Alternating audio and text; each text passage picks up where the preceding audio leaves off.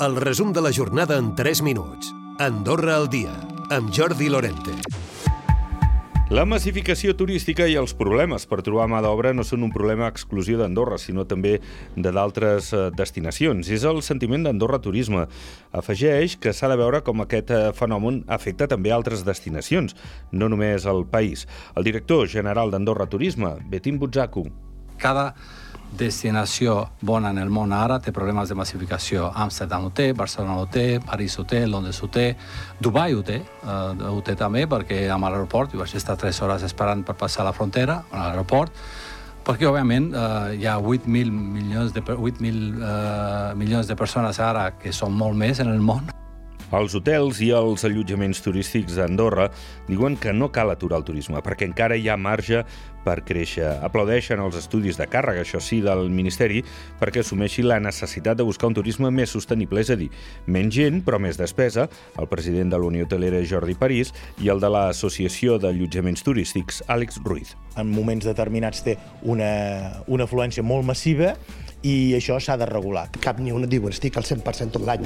Vull dir, la mitjana és 60, 55, 70%, per la qual hi ha un cert marge. Tenir una menys quantitat amb una més qualitat de clients que et puguin deixar una despesa mitjana superior, aquest seria l'idíl·lic sobre si pot afectar el canvi de president a Espanya si es produís en vista a les eleccions del pròxim 23 de juliol, mentre el veí del sud ostenta, recordem, la presidència de torn de la Unió Europea, s'hi ha referit el ministre portaveu. Guillem Casal ha dit que aquesta qüestió no ha d'afectar aquest acord amb Brussel·les. Aquests documents estratègics no es canviaran tot i aquest eh, anunci que va haver a inicis d'aquesta setmana. També dir-vos, en aquest missatge tranquil·litzador, és que la negociació nosaltres la portem de manera tècnica, on qui encapça la, la, la negociació per part d'Andorra és el secretari d'Estat d'Afers Europeus amb la Comissió Europea. Per tant, aquest treball tècnic no es ve afectat per un país membre que en aquell moment ostenta la presidència de torn.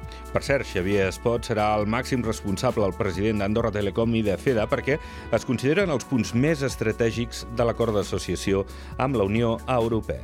I una expedició de pelegrins i feligresos de Sant Julià de Lòria han lliurat al papa Francesc una talla de la Mare de Déu de Canòlic.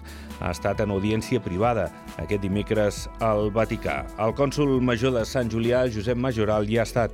Avui ha estat un dia excepcional, un dia excepcional per Sant Julià, un dia excepcional per d'Andorra, pels ingressos que han pogut venir fins aquí, fins a Roma, a acompanyar-nos a fer entrega d'una talla de fusta de la Mare de Déu de Canòlic i la veritat és que ha estat un dia molt, molt emotiu. Han aprofitat també per convidar el Sant Pare a Andorra. I aquest dimecres s'ha fet el Dia Mundial sense tabac, on l'OMS reclama frenar les subvencions pel cultiu d'aquest producte nociu per la salut. Recupera el resum de la jornada cada dia a AndorraDifusió.d i a les plataformes de podcast.